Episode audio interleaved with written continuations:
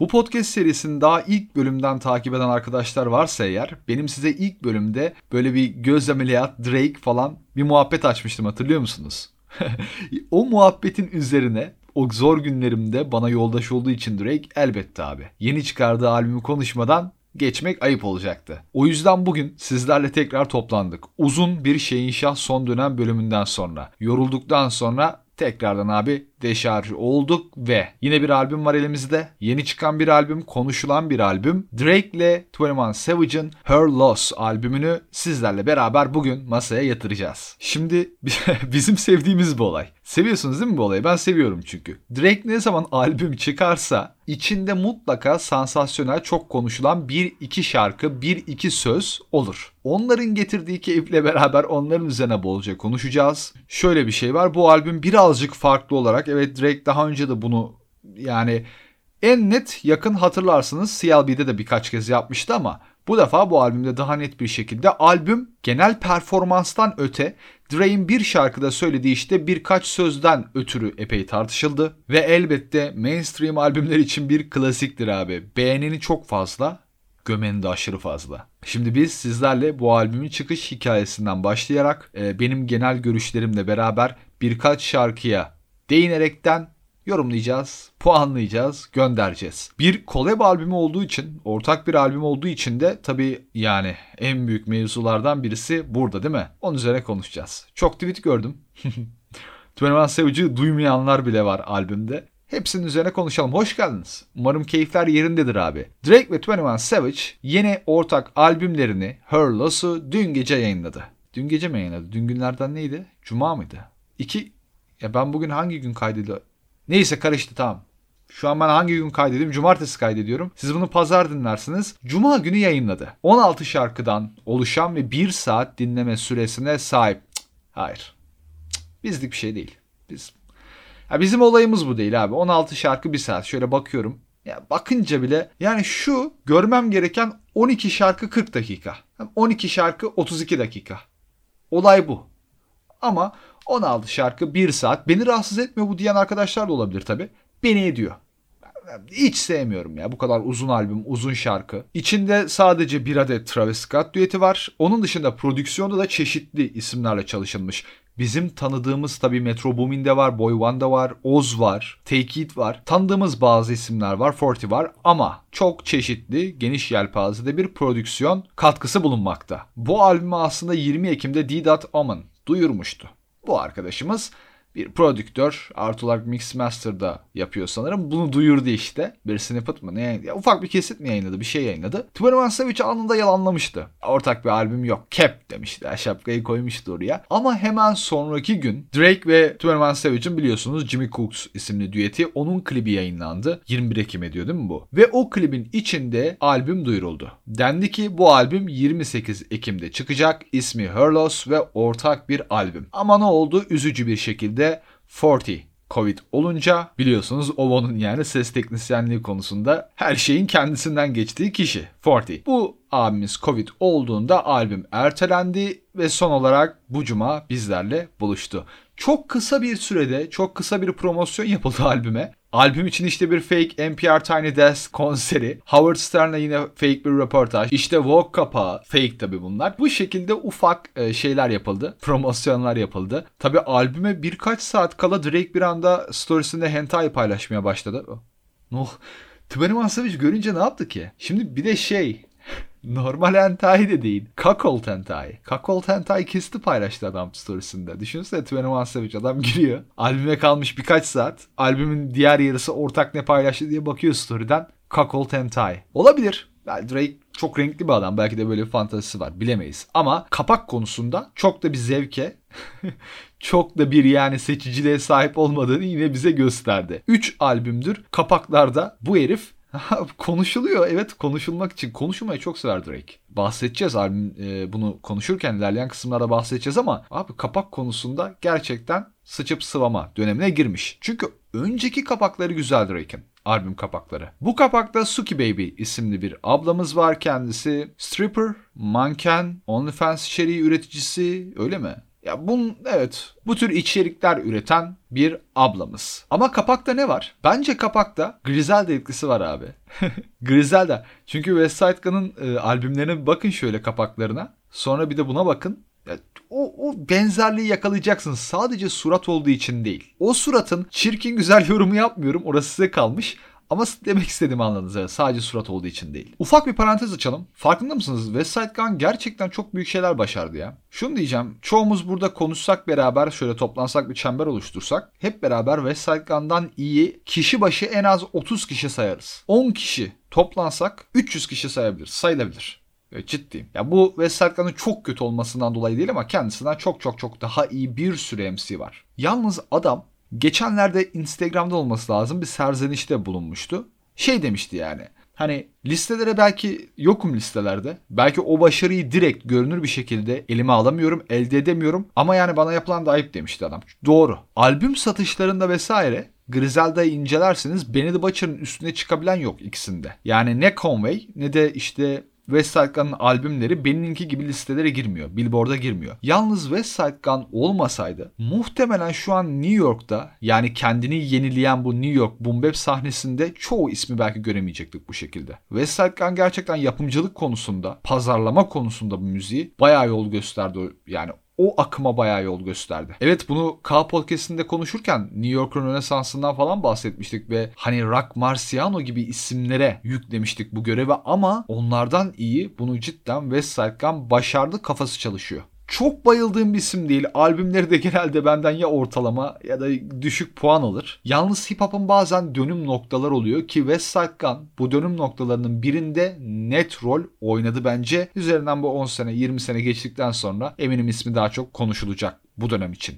Şimdi biz gelelim albümümüze girelim. Tamam lafı çok uzatıyorum biliyorum bazen ama bu ikilinin Drake ve 21 Savage'ın mainstream'deki sadece mainstream'deki ağırlıklarını düşünseniz bile beraber ortak bir albüm yapmaları büyük beklentiydi. Onun dışında ayrı ayrı kariyerlerine bakıldığında da aslında bu çok sıcak beklenen bir albümdü. Çünkü Drake Honestly Nevermind'ı yayınladı. House müziğe girişti. İnsanlar şimdi ne yapacak bu adam diye bekliyordu. Bir kere Drake'den o beklenti var. Onun dışında CLB'yi yayınladığında da gelen büyük eleştirileri hatırlıyorsunuz. En son rap yaptığı albümde de çok eleştirildi. Onun da getirdiği bir sırada ne var? Sorusu bulunmaktaydı. Şimdi 21 Savage'e bakıyorsun 2 senedir zaten albüm yok. Anladın mı? Oradan ayrı bir şey bekliyorlar zaten. 21 Savage'den da beklenti çok ayrı. E bu ikisi bir araya geldiği zaman abi nasıl beklenti olmasın? Ki bu ikili beraber işte Jimmy Cooks, Knife Talk, ne bileyim Sneak and Mr. Right Now gibi parçalarda yer aldılar. Ve bunlar çok sevilen parçalar oldu. Yalnız beklentiyi çok yapıyorduk evet ama bu ikiliyi bir arada gördüğüm zaman benim bir abi korkum vardı. Şöyle bir korkum veya şüphem diyebiliriz. Drake'in son zaman performansını böyle bir düşündüm.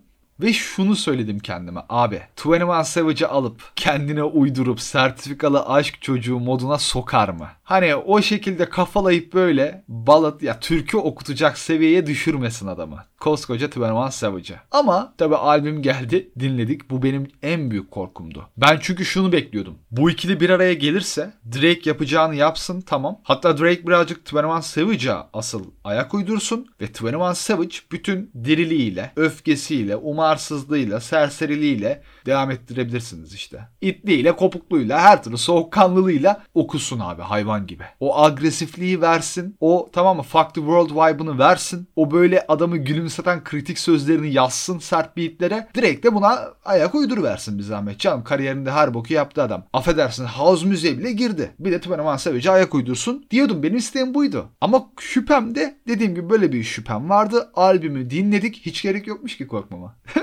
Hiç gerek yokmuş korkmama. Tümeneman Savage zaten direkt kafaya gelmek değil. Adam albüme gelmemiş ki. Adam yani bir şeyler kendi kafasında şöyle lay lay lam takılmış. Yani en büyük, en sıkıntılı nokta ondan bahsedeceğiz. Hatta ileride değil. Şimdiden bahsedelim abi çünkü en büyük sıkıntı. Bak Abi albümü arkada dinleyin. Arkaya koyun iş yaparken dinleyin. 21 Savage'ı duyamazsınız. Birazcık odaklanarak dinleyin. Arkada iş yapıyorsunuz ama arada bir kulağınızı verin. 21 Savage arada bir sesleniyor gibi hani sesinden pussy falan duyuyor olabilirsiniz tamam mı? Full fokus dinlerseniz gerçekten oturup 21 Savage birkaç şarkıda düetteymiş gibi bir hissiyat var. Bu kesinlikle ortak bir albüm değil abi.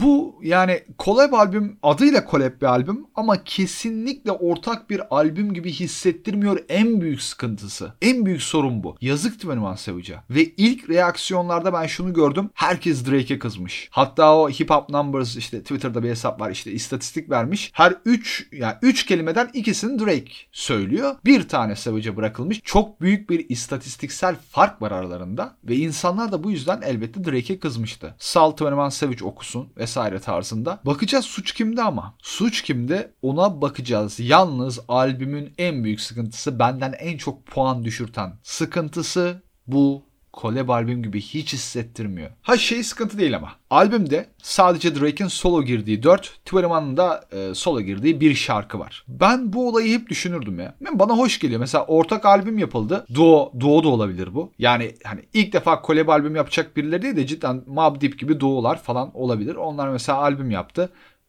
Mobb Deep artık albüm yapamaz da. Arada sıçıp sıvıyorum. Şöyle diyeyim. Albüm içinde Doğu'nun bir tanesinin solo diğer yarısının da birkaç solo böyle. Albüm içinde okuması benim hoşuma giden cezbedici bir fikirdi. Aslında böyle ortak albümlerde de çeşitlilik sağlamak açısından çok basit bir şey. Ekstra bir şey yapmıyorsunuz çeşitlilik için ama o ortak albüm içinde bir çeşitlilik sağlıyor. Bu güzel bir fikir. Benim bundan sıkıntım yok. Zaten Drake'in solo olduğu şarkılardan çok keyif aldım. Ve bu albümün beklenme sebeplerinden bir tanesi de 2022 hip hop için güzel bir sene oldu mu çok güzel bir sene oldu. Kaç tane tweet attım hep söylüyorum. Son zamanlarda 2018 falan diyor millet de son zamanlarda gördüğümüz en iyi sene abi. Ama niçin? Underground için. Veyahut underground'ın bir üst kademesi için. Ama mainstream için iyi bir sene değil. 2022 mainstream rap için kurak bir sene. Şöyle bir düşünün. Bu sene mainstream'de konuşulacak kimler geldi abi? Ve ben mainstream derken 30-40 kişiden bahsediyoruz. Amerikan mainstream rapinde şöyle düşünsem maksimum 30-40 kişi çıkar. Yani bir Nas'ın albüm çıkarması, Rick Ross'un albüm çıkarması falan bu, bu kademelere girmez. Aklınıza Future'lar gelsin, Drake'ler gelsin, J. Cole'lar, Cardi B'ler, B'ler, Nicki Minaj'lar, Migos, Young Thug vesaire bu tür isimler. Çok kurak bir seneydi. En çok beklenen Kendrick albümü geldi. Hala övmeye devam ederim. Güzel bir albümdü ama mainstream'de bir ağırlığı yoktu. Olmadı da. Ha, unutuldu. Mainstream açısından unutuldu. İşte en son Lil Baby'nin albümü geldi. O da çok yani kimseyi tatmin etmedi. Ve şeyi de gördüm ben. o da garip. Lil Baby'nin albümüyle işte Drake'in bu albümünü mainstream çıtasından kıyaslamak. Şimdi Drake'le Lil Baby benim asla kıyaslayabileceğim isimler değil. Ona çok şaşırdım. Abi Drake Lil Baby kıyaslayamazsınız ya. Lil Baby'yi seven, dinleyen arkadaşlar. Şimdi kusura bakmayın. Lil Baby dümdüz bir street rap sanatçısı. Lil Baby'yi çok kıyaslamak istiyorsan Gunna ile kıyasla. E, NBA Youngboy ile kıyasla. Lil Durk ile falan kıyasla. Drake ne kadar tartışırsak tartışalım, gömelim, eleştirelim. Lil Baby'den çok çok ayrı bir noktada ve birkaç gömlek üstünde. Çünkü Drake dümdüz nokta nokta sanatçısı değil. Ki zaten Lil Baby'nin albümü bu albümden çok daha kötüydü bence. Ve albümün süresi zaten ilk başta bahsettim. Abi evet ben bunu söyleyince şey yazan arkadaşlar oluyor. İşte abi stream cash crop. Hani ne kadar uzarsa şarkı sayısı artarsa o kadar stream alır vesaire muhabbeti. Drake gibi bir isim stream cash crop ihtiyacı duyan bir adam değil. Yani bu adamların yapacağı iş değil o. Ama Drake albümü uzun tutmayı seviyor. Ve bu benim ya en sevmediğim olaylardan bir tanesi. Hele mainstream albümlerde hadi yine Drake'e ufak bir pas verebiliriz tamam. En azından bir farklı bir şeyler katmaya çalışıyor kendi yani kendince uğraşıyor ama bu albüm süresi böyle albümleri görmek cidden beni üzen bir şey. Hadi olayı hemen mainstream'den alayım. Çok sevdiğim bir adamdan bahsedeyim. Winnie Pass. E, seviyor, bayılıyorum. Çok severim. Albüm çıkaracak kaç? 2 hafta 3 hafta sonra mı ne? Uzun olacak. Tracklist yayınladı. Uzun bir albüm olacak. Şimdiden kafamda kaç verebileceğimi kestirebiliyorum. 2,5 3 maksimum. Yani aslında onun kesse tam 2'ye bölse çok daha iyi bir şey çıkabileceğini de tahmin edebiliyorum ama bunu tercih ediyorlar bazen. Bambaşka bir tartışma konusu. Özellikle Drake konusunda. Çünkü Rap Radar röportajında ona soruyorlardı işte bu albüm uzunluk mevzusunu falan. O bayağı değiniyordu. Şey yapıya çok önem veren bir adam yani. Albümün ilerleyişi, genel yapısı vesaire. Yani çoğu zaman da araya gireyim tekrar. Çoğu zaman bunu hissettiremiyor ama uğraştığını söylüyor. Şimdi collab albüm dedik. Evet collab albümler, ortak albümler bazen hit or miss olabiliyor abi. Bu hayatta her şey hit or miss olmaya açık ama şimdi collab albümler buna birazcık daha yatkın. Çok yakıştıracağınız isimler bile bir araya gelince bu olabilir. Madem Winnipez dedim tekrar Winnipez'den örnek vereyim. Winnipez ve Tragedy Gaddafi çok e, tarz olarak birbirlerine yakın isimler, verdikleri hissiyat olarak birbirlerine çok yakınlar. Ortak bir albüm yaptılar ama hiç uyum yoktu. Kötüydü albüm o yüzden. Way Out, Way Out. Hiç beklemediğiniz isimler de çok iyi uyum sağlayabilir. Necro, Cool G-Rap. Cool G-Rap nere, Necro nere? İkisi beraber albüm yaptı ve çok güzel bir albümdü. Collab'ler niye hit or miss olmaya birazcık daha yakın? Çünkü duo ve collab farkından bahsettim. Evet, 21 Savage ve Drake beraber daha önce çalışmış olabilir ama kaç şarkıda? Duolar uzun süredir beraber olan cidden aralarında bir enerji, uyumluluk yakalamış insanlar. Artı olarak rapçi, producer collab'i. O da o kadar hit or miss olmayabilir. Tek producer bazen göz korkutur ama iki ses duymak yerine tek ses duyduğun için yine bunu bir şekilde kotarabilirsin. Yalnız işte bu tür rapper rapper collab'leri ne yazık ki hit or miss oluyor. Ve albümün de en büyük sıkıntısı abi. 21 Savage ve Drake'in uyumu dikiş tutturmuyor. Yok. Aralarında uyum falan yok bence. Şöyle bir şey. Dedim ya başta kimin suçu peki? Herkes Drake'den bulmuş. Evet anladınız. kimin suçu diyeceğimi şu an anladınız. Abi Drake albümde çeşitlilik denemeye başlıyor. Kendince o meşhur R&B okuyuşu var. Boom bap yaptığı bar to bar dizdiği şarkı da var. Memphis tarzında okuyuşu da var. Beat switchlerde işte denediği bazı şeyler var. Drake bir şekilde uğraşıyor. Ama 21 Savage dümdüz her şarkıda aynı ruhsuz okuyuşu yapıyorsa Drake ne yapsın? Adam, adam şimdi ne yapsın abi? Hiçbir kanattan 21 Savage kendisine uyum sağlayamıyor ki. Şunu diyen de olabilir. Abi 21 Savage her zaman dümdüz bu şekilde okumuyor mu zaten? Hayır. Bir albenisi var. Her zaman bu şekilde dümdüz okusa bu kadar sevmezdik adamı zaten. Farklı bir olayı var. Ona da değineceğim. İşte böyle olunca ilk şarkı şarkıdaki gibi mesela. 21 Savage Soul Beat üzerine nasıl okuyorsa Drake de o okuyuşu yapıp Savage'e ayak uyduracak. E, herhalde olmasını 21 Savage'ın olmasını istediği şey bu. Çünkü 21 Savage kendi alanının hiç dışına çıkmıyor. Albümde uyumun yakalanması için 21 Savage işte ilk şarkıdaki gibi okuyacak. Drake de aynı bu tonda girip ona eşlik edecek. Bütün albüm öyle gidecek olsaydı bu albüm hiç konuşulmazdı. Belki de araya işte Take It beat'i üzerine bir banger falan yerleştirirlerdi. Yani eh denilecek bir albüm olurdu ancak böyle olsaydı.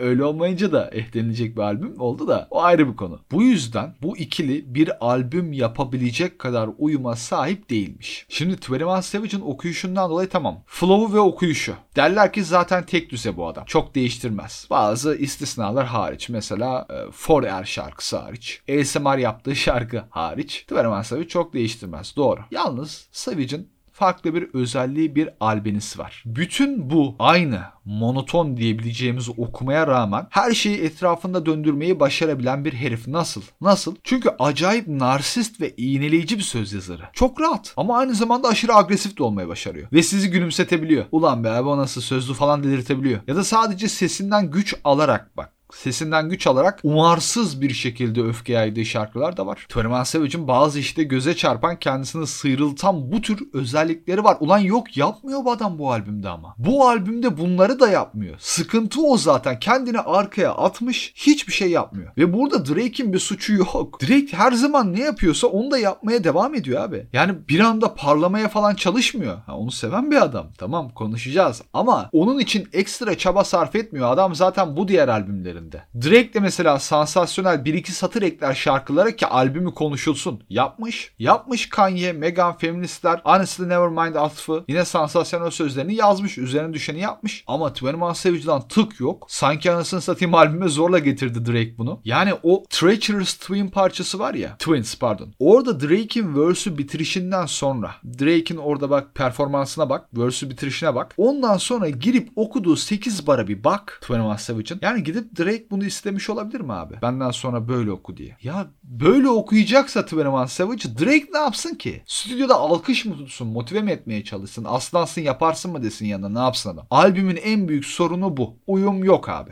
Tamam bu suçun bir kısmını Drake'in kanadına da yükleyebilirsin. Ona da dersin ki lan sen ne yapıyorsun? Niye bu kadar zıpırsın yani? Çok zıpır olma. Birazcık 21 Savage'a alan bırak da diyebilirsin. Ama Drake bu albümde 21 Savage'a alan bıraksa Savage değerlendirebilecek miydi? Bırakılan alana göre şu an bakıyorum ben değerlendiremezdi. E şimdi bu büyük bir sıkıntı olduğu için şöyle bakınca Drake kendi kafasına göre yapıyor albümü ne yaptıysa. Bu defa da solo bir albüm olmadığı için ama eğreti duruyor. Şimdi albüm Drake albümü gibi ama collab aynı zamanda. E abi. Bu ne yaman çelişki. Sanki 21 Savage bir taraflara monte edilmeye çalışılmış gibi özellikle Hours in Silence parçasında. Hours in Silence.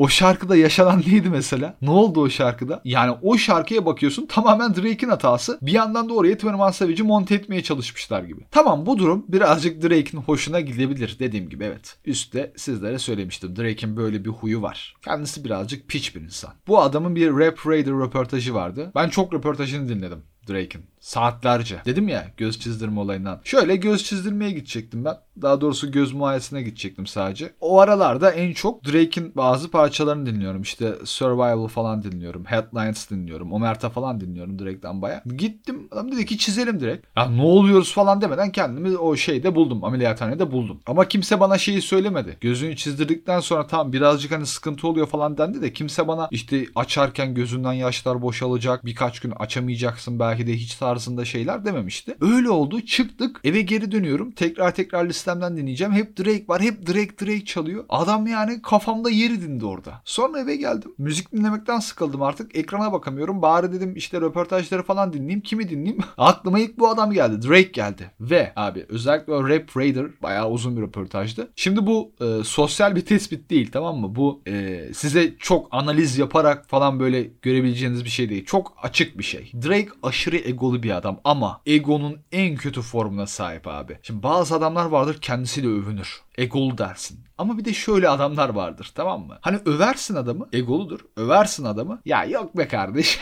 Estağfurullah başkan ya.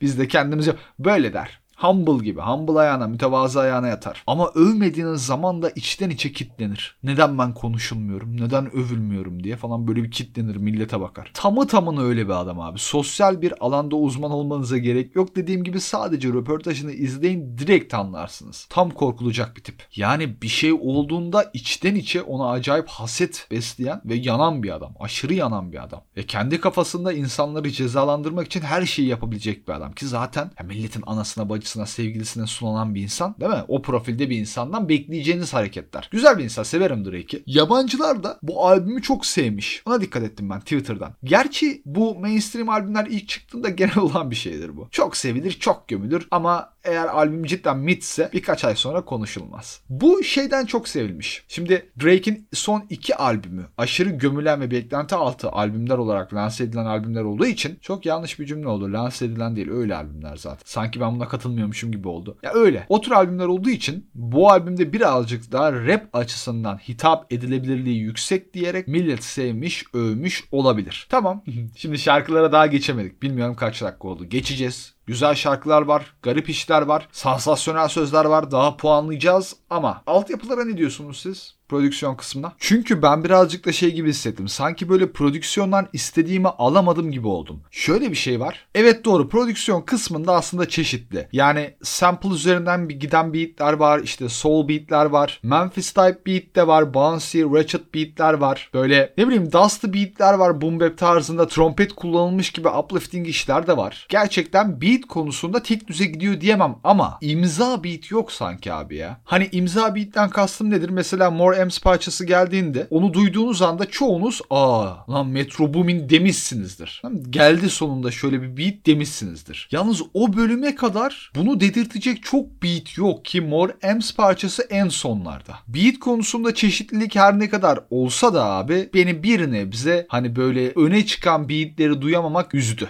Çünkü şöyle bir şey de var. Sample seçimleri mesela. Sample dayanıklı beatlerde sample seçimleri de biraz ucuz. Yani çok böyle digging'den geçmiş, eşelemeden geçmiş sample'lar değil. çok araştırılmış, şey yapılmış, özel olarak bulunmuş sample'lar değil. Lakin abi istiyorsanız şimdi şarkılar üzerine konuşalım. Birazcık da şarkıları yorumlayalım. Sonra genel bir değerlendirmeyle ne yapalım? Dağılalım. Albümün introsu Rich Flex. Hani dedim ya size evet tüm albüm bu şarkı gibi olsa benim belki hoşuma giderdi. Benim tam sevdiğim bir tarz. Yani yarısı benim tam sevdiğim bir tarz ama yukarıda dedim yani. Albüm ses getirmezdi ve insanlar sıkılırdı. Çünkü genel olarak hani Twenty Savage ve Drake dinleyicisinin bu ikiliden bütün beklentisi bu tür şarkılar değil. Hatta belki bu şarkı o beklentinin %20'sini falan anca oluşturuyordur. Öte yandan ben duyduğum an, o soul beat'i duyduğum an, Drake'in başta Savage'i hani mikrofona çağrışı benim için bir şeyler yap o da baya meme oldu. 21 Savage'in o girişi abi çok smooth böyle akıyor ya. Gerçekten. Savage okumaya da devam ediyor. O soul chop beatle acayip hoşuma gitti ya intro. Cidden beni çok açtı. Bir an dedim herhalde tamam. Yani beklenti yapmaya değer bir albümmüş. Ve 21 Savage o elat tarzı kendinden böyle çok emin bir şekilde o beat'i okurken bir anda paid like an athlete but dediği anda Drake ne yapıyorsun abi ya? Ya niye niçin sıçıyorsun ki bütün büyünün içine? Hani albümde Drake'e ayar olduğum iki noktadan bir tanesi. Abi adam ne güzel okuyor. Bari okuyuşunu yarıda kesme ya. Ne güzel beat bulmuş kendine. Yani Memphis type beatinin de flow'unu da ulan en çok Memphis seven adam benim zaten. Ya en büyük Memphis sevdalısı benim. Ama bir dur lan bir sal adama bir sal bir şey yapsın. Bir verse daha girsin. Senin dört tane solo şarkın var. Introda onun solosu olsun. Ya da aynı beat üzerine sen de bir gir acele et etme ya. Ya tamam Drake'in suçu değil dedim biliyorum ama şu şarkıda ben acayip sinirlendim bu duruma. Listeye aldım. Çok ciddiyim. İlk dinlemede listeye aldım. O beat switch'ten sonra direkt çıkarttım. O 21 Savage'ın sözünü kesip bir konuşmaya başladığı an var ya öncesinde. Dedim herhalde öyle konuşacak sonra devam edecek. Aniden bir beat switch'te Memphis Type Beat. Abi beat switch'iniz ya beat switch'inizi yiyeyim. O kadar anlamsız yapılmaya başlanıyor ki bazen. Ulan Soul Chop Beat'ten böyle soulful bir beat'ten Memphis Type beat'e switch nedir ya? Böyle bir switch mi atılır hiçbir anlamı yok. Tamam Drake o verse işte akronimlerle güzel bir hani kafiye yakalamış. Güzel bir hani verse yazmış da istemem abi. İstemem ya. O 21 Savage'da bu şarkıdan zevk alamadım ya. Tadı ağzımda kaldı gerçekten. Ve 21 Savage'in bence en iyi performansı albümde bu. Başladı, yandı, sönmesi bir oldu. Bu arada bu şarkıda ileride Drake'in disleyeceği Megan Thee Stallion'dan da bir sample var. 21 Savage'in verse'ünde bir 6 saniyelik kısımda falan Megan'ın Savage şarkısındaki flow ve sözü 21 Savage direkt onun gibi o sözleri okuyor. O da bir sample sayılır tabii ki de. Ve ardından Major Distribution. Şimdi Rich Flex'ten sonra Rich Flex şarkısının beat'i soul olarak devam etse şu şarkıya giriş ne kadar ahenkli oluyordu abi. Fark ettiniz mi onu? Drake'in girişi R&B tandansında huzurlu huzurlu okuyor. Sonra hemen bouncy böyle ratchet bir beat geliyor. Çok oynak bir beat geliyor. Şimdi şu düşün, şöyle düşün. Rich Flex'te soul huzurlu girişi yaptın. Şarkı full öyle devam etti diyelim. Bu şarkı geldi. Buranın başında da ufak bir interlude tarzında Drake yine piyano üzerine huzurlu huzurlu okuyor. Sonrasında işte 35. saniyede beat giriyor. Bak ne kadar güzel bir şey değil mi? Yapı ne kadar güzel. Introdan bu şarkıya geçiş. Lan bunu da mı biz söyleyelim ya? Bunları söyleyecek adamlar olmalı yanınızda. Ya bu şarkı orta seviyenin basitliğine sahip. O tatlı basitlik. Hani Drake ve 21 Savage'ın en azından birazcık uyumlu olabildiği bir şarkı. O açıdan tadı var ama Dediğim gibi bazı geçişlerde vesaire dikkat edilecek şeyler olmalı. Ayrıca burada Drake verse'ünde Paid in Full filminden bahsediyor. Cameron'ın oynadığı. O filmi de izlemenizi öneririm. Ona referansı var Paid in Full. Böyle birazcık basit bir e, ghetto filmi gibi durabilir ama bilmiyorum bana etkileyici gelmişti. Önerimdir. Ardından gelen BS parçası işte orada da orta seviye bir back and forth var. Prodüksiyondan yoksun çünkü abi söyleyeyim direkt bunu. Prodüksiyondan yoksun olunca o ruh ve enerji de ortadan kaçıyor ve back and forth da ister istemez ortalama bir seviyede kalıyor. Albümün birazcık sorunlu bir başlangıcı var. Yalnız Back Outside Boys'da işte onunla beraber birazcık toparlanmaya başlıyor. Solo bir Drake şarkısı Back Outside Boys ve zaten benim solo direkt şarkılarıyla bir sorunum yok. Alttan Lil Yachty'nin eklipleri var. Beat canlandırıcı bir beat sonunda. Güzel bir beat. Hani birazcık Hot şarkısını hatırlattı bana Young Thug'ın. O yüzden bu şarkıda mesela bir Gunna nakaratı acayip güzel olurdu. Uçururdu şarkıyı. Ama bu şarkı çok özel olmasa da Drake'in o sansasyonel sözlerinin başlamasıyla bir önem arz ediyor. Ne diyor Drake burada abi? She a 10 train rap, it's good on mute. Yani nedir? 10 numara bir kız, 10-11 kız rap yapmaya çalışıyor. Sesi kıstığın zaman iyi. Lan yani bizim 16-17 yaşında gençlerimiz rapçilerin işte kadın rapçilerin bazı kliplerinde şey yazardı. Sesi kısıp izliyorum falan yazardı. Ya ama sıkıntı direkt 36 yaşında. yani işte birazcık o bayatlama olayı bundan bahsedeceğim zaten iki şarkı sonra veya üç şarkı sonra falan kendini gösteriyor. Drake normalde bu kadar yani liseli seviyesinde böyle sözler yazacak bir adam değildi. Ama yine de Bazen biraz ufak bir gülümseten sözleri var. Mesela bu şarkıda hiç oy vermedim ama eğer oy verseydim Tiana Trump'a oy verirdim diye bir sözü var örneğin. Ondan sonra gelen Privileged Rappers şarkısı benim listeye attığım ilk şarkıydı. Çok bilindik bir sample'ı var. Tam bir beat şey. Indie rap şarkılarından böyle duyulacak beatler olur ya tozlu gibi. Indie rap şeydir. 90'larda şöyle bir olay var. 90'ların ilk başı erken dönemlerde bazı rapçiler biliyorsunuz o dönemlerde şirket anlaşması imzalamak rapçiler için bayağı zor. İmzalayamayan çok fazla isim var ve onlar imzalayamadıkları için böyle birkaç tane plak bastırıyorlar falan. Öyle anca piyasaya onu sürüyorlar. Sonra silinip gidiyor. Çünkü reklam yok, bütçe yok plak bastıracak, dinlenmiyorlar. Sonrasında bu plaklar tabii birkaç kişinin yani o dönem bazı insanların eline geçmiş oluyor, saklanmış oluyor ve ileride insanlar bu plakları YouTube'a plaktan çekip şarkıyı yüklüyor. Yani indie rap denmesinin sebebi bu. Şirket desteği bulamamaları, imza atamamaları. Onların hakkında çok az bilgi vardır. Sadece plağın üzerinde yazan isimlerden böyle YouTube başlığında isimleri falan bulunur. Odur. Hatta bazıları o yüklenen şarkıların altına yorum falan yazarlar YouTube'dan. Aa bu bendim falan diye. Çok rastlanır. Güzel, zevkli bir olaydır. 90'lar indie rap. Oradaki beatler de işte o cızırtılı, hafif tozlu böyle beatler. Aynı ona benzeyen bir beat'i var. Bu da bence 16 şarkı var. 3-4'ünde Drake ve Savage uyumu. Bunlardan bir tanesi. Burada da ikisi uyumlu. Aşırı ideal süresiyle beraber bir şarkı. Ya işte uyumdan kastım da Drake ipleri az bırakıp böyle laid back bir okuyuş yaptığında anca uyuyorlar. Bu şarkıda olduğu gibi. Ve sonrasında gelen Spin About You bu ikilinin de max romantikliğini ortaya koydukları şarkı. Bunu da sevdim. Ben bunu da listeye attım. Aslında 21 Savage'in burada performansı çok kötü değil. Güzel bir verse okuyor başta. Ama Drake buna ek olarak en azından gelip anında gülümseten sözler yazınca rolü yine çalmış Savage'dan. Savage'dan da rol çalmak ne kadar kolaymış lan aynı şarkıda. Burada feminist Drake rolüne bürünmüş. Hani şey diyor ya işte haberleri bir açtım. Okulda kadınlarla beraber olamayan adamlar kadınların ne yapması gerektiği hakkında yasa yapıyormuş tarzında bir sözü var. Bu albümde hem bu kadar toksik olup özellikle kadın rapçilere karşı hem de bir feministliğe bürünmek de zaten işte Drake. Drake'in olayı. Böyle bir adam. Ve Hours in Silence parçası yani tamamen geçeceğim bir şarkı. Rezil albümün en kötüsü. 7 dakika yaklaşık 21 Savage 40 saniye bu şarkıda var. Size bahsetmiştim zaten. Abi yani dinlemesi o kadar zor bir şarkı ki. Ve içinde de Coops Danica sample'ı var ya. Yazık yapma ya. Drake'in de nasıl bir Memphis sevdası varsa yine tutuşmuş. Şöyle bir şeydir Drake baba tarafından Memphis'li diye biliyorum ben. Ve gençliğinin bir kısmından Memphis'te geçiriyor Drake. Hani boşa değil bu Memphis sevdası. Drake Memphis rapini çok sever. Gerçekten çok sever. Burada aldığı sample'lar falan sadece burada kalmadı. Çok fazla kullandı Memphis'ten sample.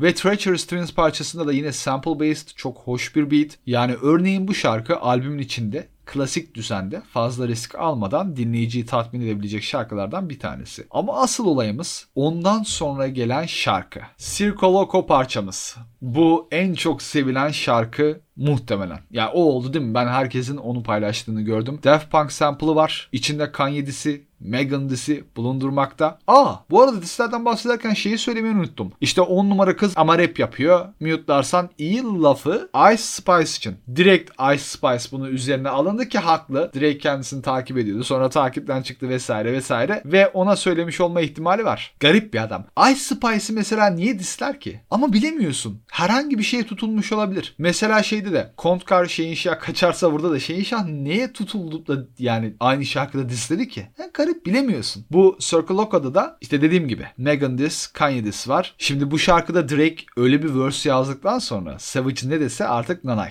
Drake'in de işte böyle bir olay var abi. Kanye her ne kadar sansasyonelse bakmayın Drake de öyle. Gerçekten öyle. Çok yansıtmaz belki direkt medyaya ama özellikle subliminal gönderme konusunda tam bir çakal kendisi. Bu şarkının sevilmesi de tesadüf değil. Tam rahat dinlenilecek bir şarkı ama biraz biz bu muhabbetleri bırakıp biliyorsunuz seviyoruz abi. Dis mevzularına geçelim. Bu şarkıda konuşulan sözler. This bitch lie about getting shots but she's still a stallion. Evet biliyorsunuz zaten çevirmeme de gerek yok. Megan Thee Stallion için Getting Shots Şimdi şöyle bir sıkıntı var. Getting shots, getting shot. Vurulma için getting shots kullanmayız. Getting shot kullanırız. E, Megan da vuruldu Tory Lanez tarafından. Hala artık muallaktan bilmiyorum olay ama bu olayı yaşadı. She's a stallion diyor. Evet anlamda oyun yapmış. Doğru. Getting shots, stallion. Shots'tan kastı BBL. Yani kalça büyütmek için yapılan estetik ameliyat iğne Oradaki shots bu. Ve Stallion. Stallion da niçin kullanılır? Ee,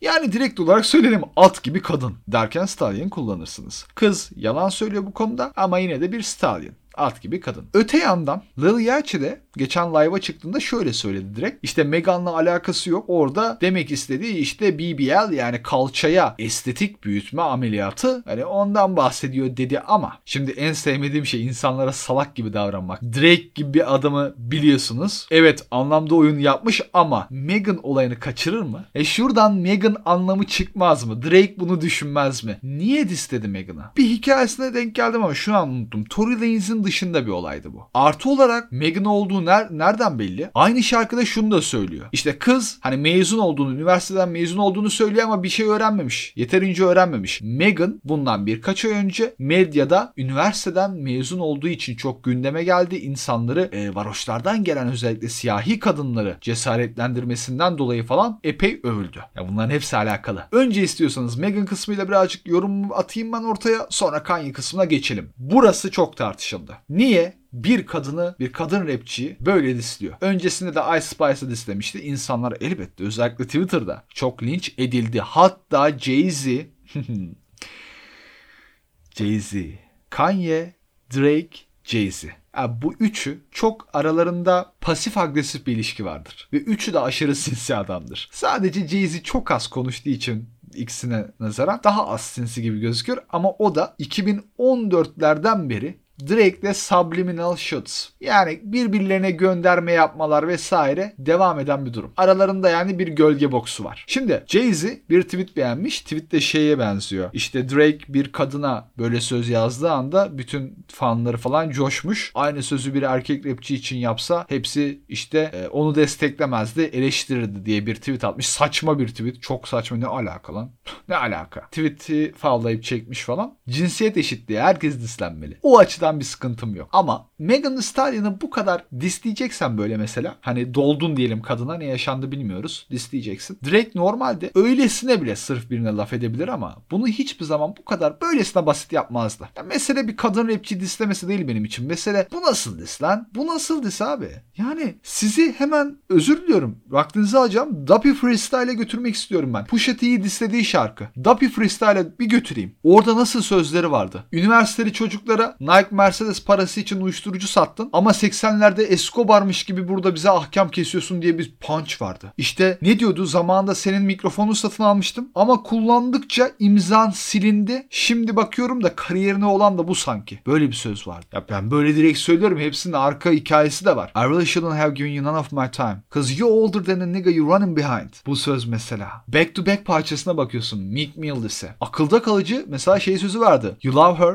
then you got to give the world to her. Ama bu senin dünya turnen mi yoksa kız arkadaşının turnesi mi? Nicki Minaj'la Meek Mill'in o zaman ilişkisi vardı. Onun üzerinden bir göndermeydi. Ya da Trigger Fingers turn to Twitter Fingers. Yeah you get embodied by a singing nigga. Bunlar ilk duyduğunda seni bir yani Drake'den duyduğunda seni bir böyle moda sokan sözlerdi. Şimdi bu sözlerden gelip de kız mezun olmuş da çok öğrenememiş ama. Ya abi lan 36 yaşına geldikçe ne bok oldu abi sana ya? Birazcık daha saksıyı daha çok çalıştırman gerekmez miydi lan? Niye liseye dönüş back to the high school yaptın? Lan bir hentai paylaşıyor bir şey yapıyor falan. Şimdi can sıkıcı taraf bu. Ondan sonra Kanye West sözü. Linkin with the Ops. Bitch I did that shit for Jay Prince. I did it for the Mob Ties.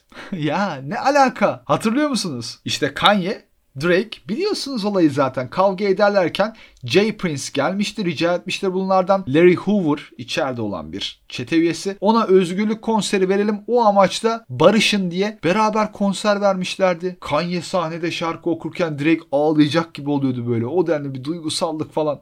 Lan ne değişti birkaç ayda? Ne değişti? Bunların hepsi hikaye. Bunu ben Jay Prince için yaptım sözü. Yani ne değişti? Ve Jay Prince'i Jay Prince'i duydunuz mu hiç? Jay Prince'i duymuş olmanız lazım. Rap Lot Records'un kurucusuydu. Çok 90'larda falan baya bu rap piyasasında mogul olarak epey iş yaptı. Çok fazla para kazandı ve e, işin para aklama yönünde de kirli yüzünde de kendisi bulunan birisiydi. Gerçekten çete mafya bağları bulunan bir kişi. Rap dünyasında birazcık bunu hissettiren bir kişi. Söz sahibi olan bir kişi. Takeoff vuruldu biliyorsunuz öldü. Huzur içinde aslında o da çok ani beklenmedik üzücü bir olaydı. E Takeoff'un vurulma olayında yanından mesela Jay Prince geçiyor. Orada Quavo Takeoff'u mu ne yani kaldırmaya çalışıyor. Jay Prince adam vurulmuş ölmüş yanında tak tak tak geçip gidiyor çiziklemeden böyle. Ve şey diyen de vardı yani işte Quavo Jay Prince'le tartıştı. Ondan Takeoff öldürüldü falan diye. Ya kısaca doğru olmayabilir de. Jay Prince istiyorsanız araştırın bu adamı. Çok kirli bir insan. Garip bir hip hop figürüdür. Hip hop'un içinde böyle figürler vardır. Meech de böyleydi mesela. Drake bazen 50 Cent rolü oynamayı çok istiyor. Bugün Freddie Gibbs'in de böyle zorba olması falan, Benny Butcher'la falan dalga geçmesi 50 Cent ekolünden gelen adamlar. O özelliği 50'den alan adamlar. 50 Cent hip hop dünyasının bulisiydi abi. Tam bir zorbaydı ya. Fat Joe'a yaptıkları işte Rick Ross'a yaptıkları çok kişiyle kavga etti. Herkesle kapıştı ve biriyle kapıştığı zaman üzerine üzerine gidiyordu. Yalnız ben şimdi şunu diyeceğim size abi.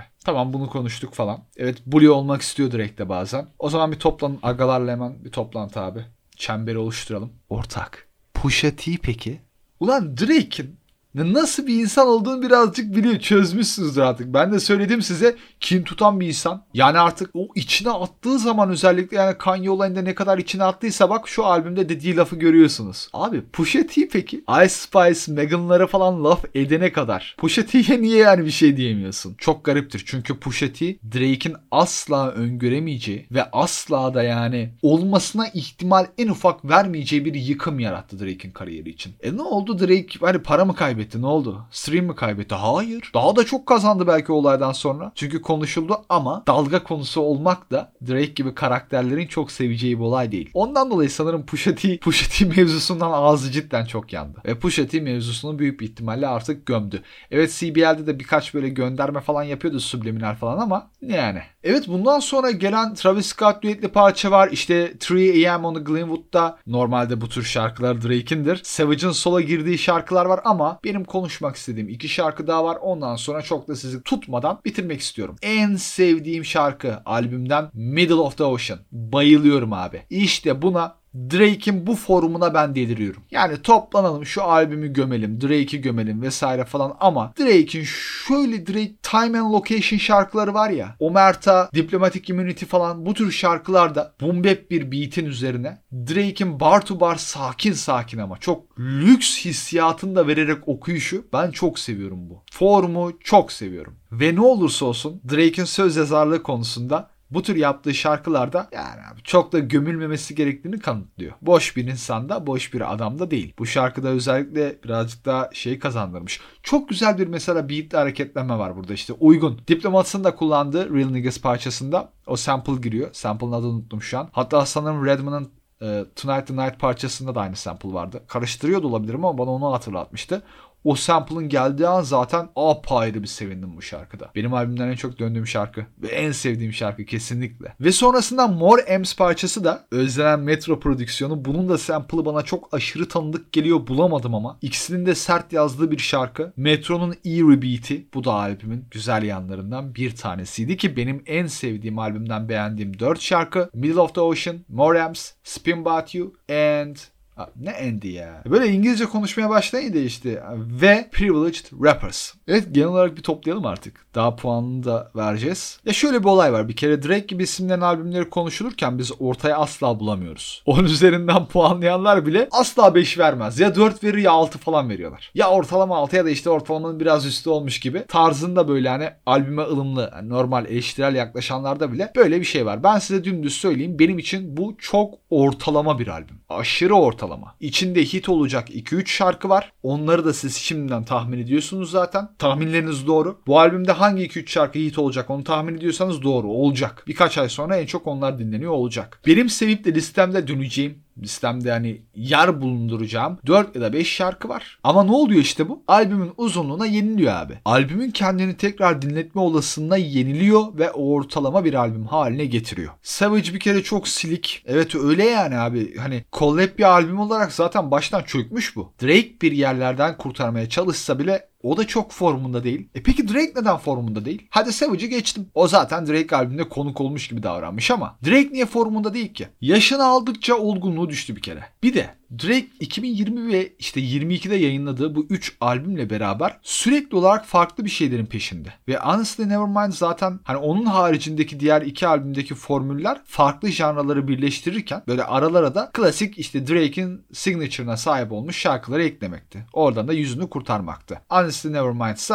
bambaşka o tamamen house müzik üzerine. Şimdi Drake diğer formülünü kullandığında ortaya ister istemez ortalama işler çıkıyor ve albüm ortalama oluyor. Niye? Aslında çok da konuşulacak birazcık dolu bir olay. Çünkü Drake'in etkilenme skalası fazla geniş. Son dönem Drake podcast'i gelmez ama abi bazen bir sanatçı her şeye yetişemeyebilir. Tamam mı? Bir sanatçı çok çeşitli olamayabilir. Drake bunu olmaya çalışıyor. Zaten yeteri düzeyde çeşitliliğe sahip bir insan ama her şeyden o kadar çabuk etkileniyor ki. Dancehall'dan etkileniyor, R&B'den etkileniyor, Little Brother grubunun tarzından etkileniyor, house müzikten etkileniyor, drill'den etkileniyor, garajdan etkileniyor. İyi daha bir dur iki dakika. Şimdi hepsi aynı anda olmaz ki bunların. Yani Nothing Was The Same ya da Take Care gibi albümler niye iyi albümler? Çünkü klasmanları belli. Pop rap birazcık da R&B sosu var. Tamam cuk oturdu. Şimdi sen her şeyi bir albümde yapmaya çalışıyorsun. Bambaşka şeyler. Araya da klasik senin türünden şarkıları koyuyorsun. Böyle kurtarır sanıyorsun. Kurtarmıyor. Yani Drake ne zaman birazcık daha akıllanıp artık yani pop rap mi yapar ya da pop rap yapmasa bile işte trap, time location parçaları, banger parçaları bir şekilde sentezleyip yapabildiği, elinin ulaşabildiği türlerden bir şey mi yapar bilmiyorum. Ama şu anlık 3 albüm Run'ı bence sıkıntılı gidiyor. Ya sıkıntılı olmasa bile ortalama gidiyor işte. Çok büyük yanıp tutuşan bir Drake fanı değilseniz sizi rahatsız edebilecek seviyede değil çünkü ortalama. Ne iyi kötü dinle geçtik. Her Last'ta şöyle bir e, artısı vardı. İlk şarkıdan beni korkutan beat switch mevzusu çok yoktu şükür ki. Ama işte dediğim gibi eksikleri belli bir özel an bırakamadı bende. Geriye dönülebilecek bir an yani pek yoktu. Bir de bazen şu tartışılır. Kimi şarkılar ya da albümler üzerinden biraz geçtikten sonra, zaman geçtikten sonra klasik ya da hit olur diye. Ya doğru klasik konusunda o zaman geçmesi lazım üzerinden ama bu temeli olan albümler veya işte şarkılar için denilir abi. Drake'in olayı birazcık instant hit olmaktır. Bu da baştan bellidir. Bu albümde sizin instant hit diyebileceğiniz iki parça, üç parça falan olur maksimum ve 16 şarkı albüm. CBL'de de böyleydi. CBL, CLB. Ben doğru mu söylüyorum bu albümün? CLB. Serverlar. Ha CLB'de de öyleydi. Mesela CLB'yi dinlediniz Knife Talk, Way Too Sexy değil mi? İlk dinleyişte çoğunuz bunlar hit olur abi demişsinizdir. E ne oldu? Öyle oldu. Bunlara ek olarak belki bir iki şarkı daha hit olmuştur ama bu kadar toparlayacağım konuşu. Bu albüm ileride dinledikçe açılacak, hit olacak öyle şarkılara da sahip değil. Hiç boşuna yani Twitter'da milletle bu albüm eğlenceli albüm sen sıkıcısın vesaire tarzında tartışmayın. Bu albümün değeri artar. Daha çok konuşulacak sene sonunda tarzında da yorumlarda bulunmayın çünkü olmayacak. Sanmam. Ve yine de çok çok üzülmeden benim albüme puanım 5 üzerinden 2,5. Yani tatlı suya kaçmak değil. Direkt albümü sanırım 5 kere dinledim. Bir 5 tur falan döndüm. En sonunda dedim ki tamam. Mit yani bu tatlı suya kaçmak değil. Bunun oluru bu abi. Ortalama bir albüm. 2022 mainstream. Ne yazık ki kurak oldu. Abi underground saflarına bak gelmeniz için son bir çağrı size. Lütfen teşrif edin şuralara. Seviliyorsunuz. Bol bol albüm dinlemeyi unutmayın. Ben de şimdi ne dinleyeceğim? Listemde ne vardı sırada? Ha Fred Rostar albüm çıkarmış Jazz diye. Onu bir dinleyeceğim. Öptüm size.